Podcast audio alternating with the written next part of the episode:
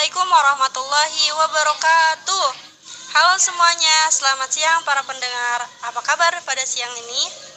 Semoga baik-baik ya. Di zaman pandemi ini, jangan lupa 3M ya. Memakai masker, mencuci tangan, dan menjaga jarak. Nah, kembali lagi bersama Denok FM, radio yang selalu memberikan edukatif dan hiburan menarik bersama saya Nadia Hadifah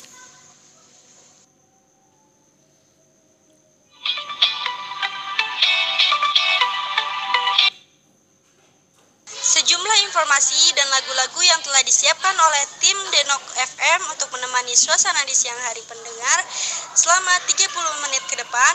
Jika Anda memiliki kritik dan saran bisa hubungi ke nomor 0858 8854 2021.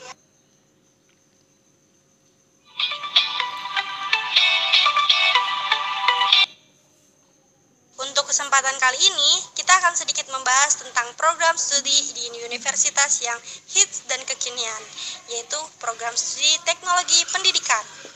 Ada yang tahu gak teknologi pendidikan itu apa?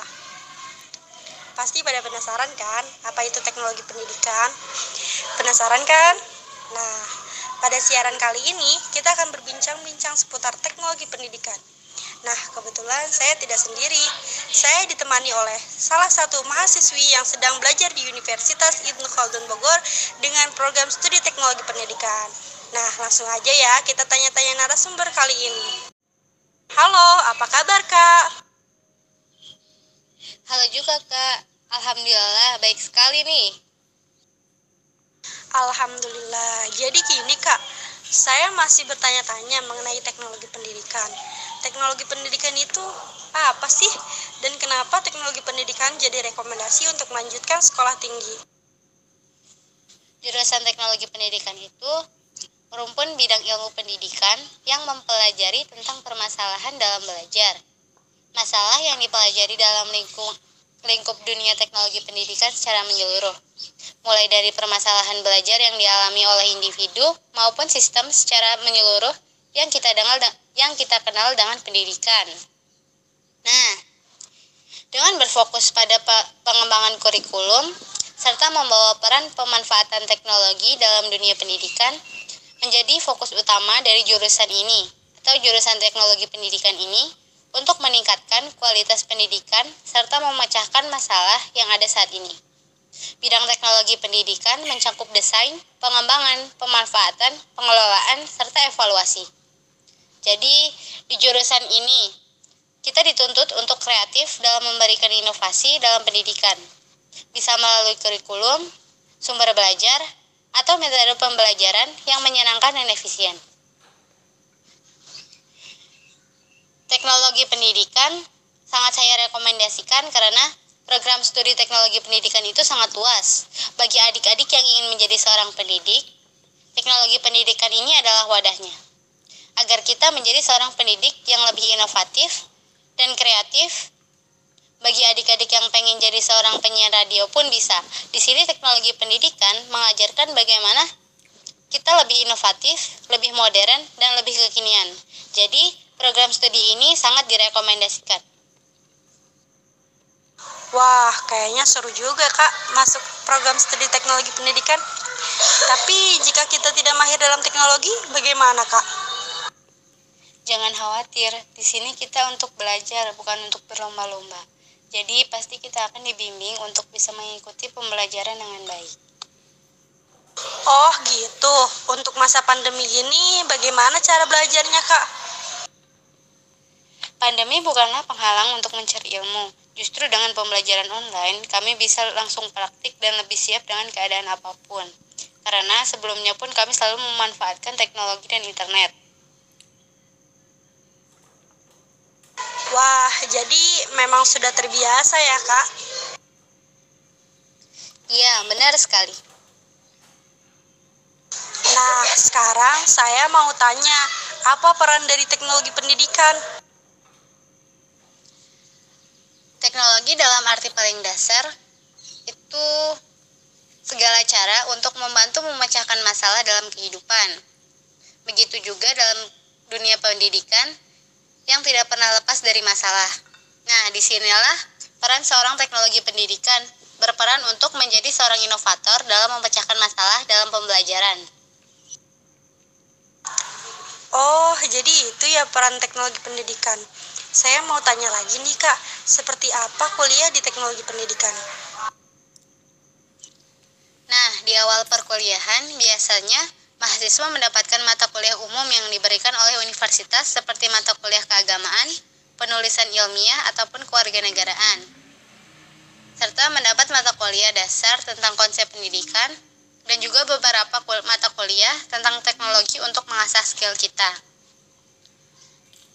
Nah, di jurusan ini ada dua jenis mata kuliah, yaitu kuliah teori yang berisikan tentang pemahaman teori serta konsep, dan mata kuliah keahlian yang mengasah skill kamu nantinya, atau biasanya sih disebut dengan praktikum ya.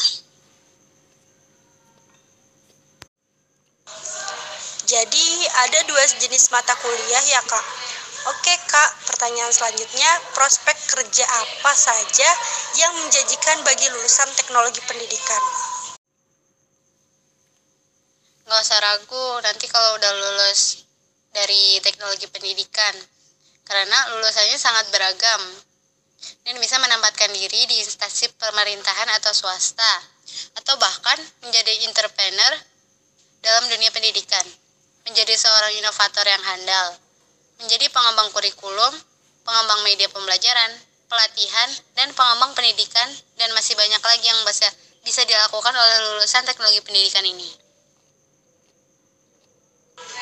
Wah, luar biasa. Jadi, bagi teman-teman yang masih bingung, jangan lupa teknologi pendidikan saja. Nah, ini pertanyaan terakhir. Di mana kita bisa daftar untuk mengambil program studi teknologi pendidikan ini.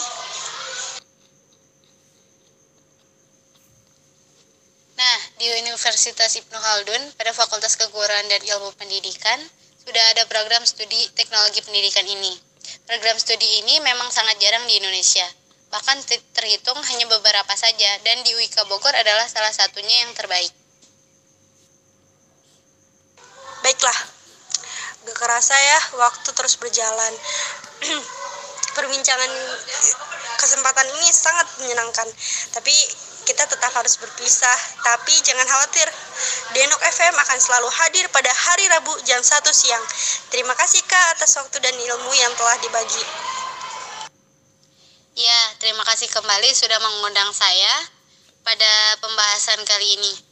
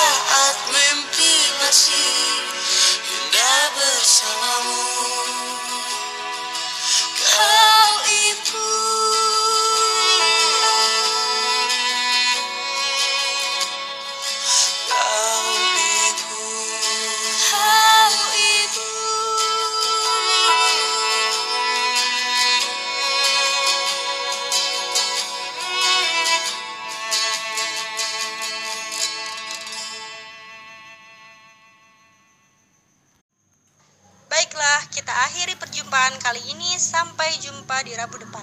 Wassalamualaikum warahmatullahi wabarakatuh.